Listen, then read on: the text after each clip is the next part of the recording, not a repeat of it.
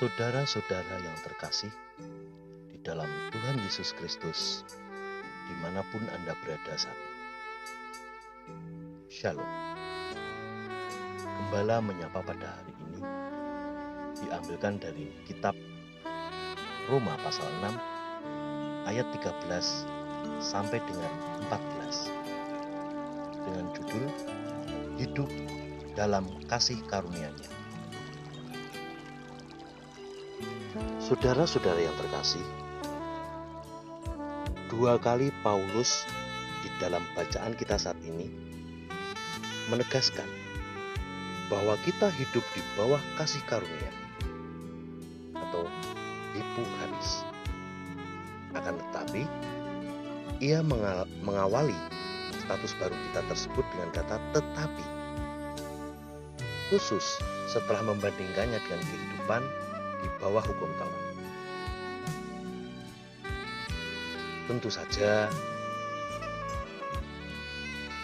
pada dirinya sendiri. Taurat tidak mendatangkan dosa.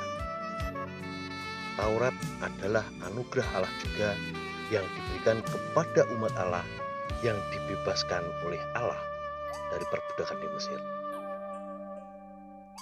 Namun, Taurat lantas diselewengkan oleh kehidupan agamawi yang justru makin memperbesar keberdosaan manusia.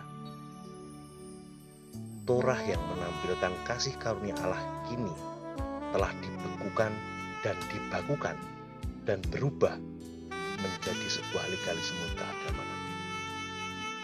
Dan karena itu, di dalam Kristus, demikian penegasan Paulus kasih karunia atau karis atau grace dinyatakan secara sempurna. Maka yang terpenting sesungguhnya adalah bagaimana hidup di bawah kasih karunia di dalam Kristus Yesus.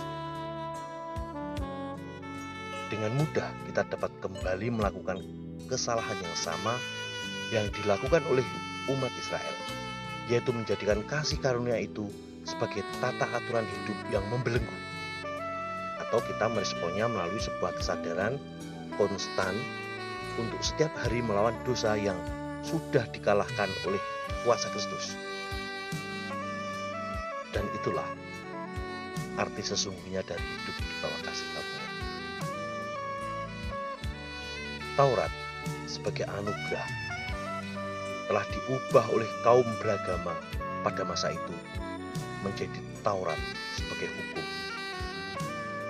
Pada titik itu, manusia beragama hidup di bawah Taurat sebagai hukum.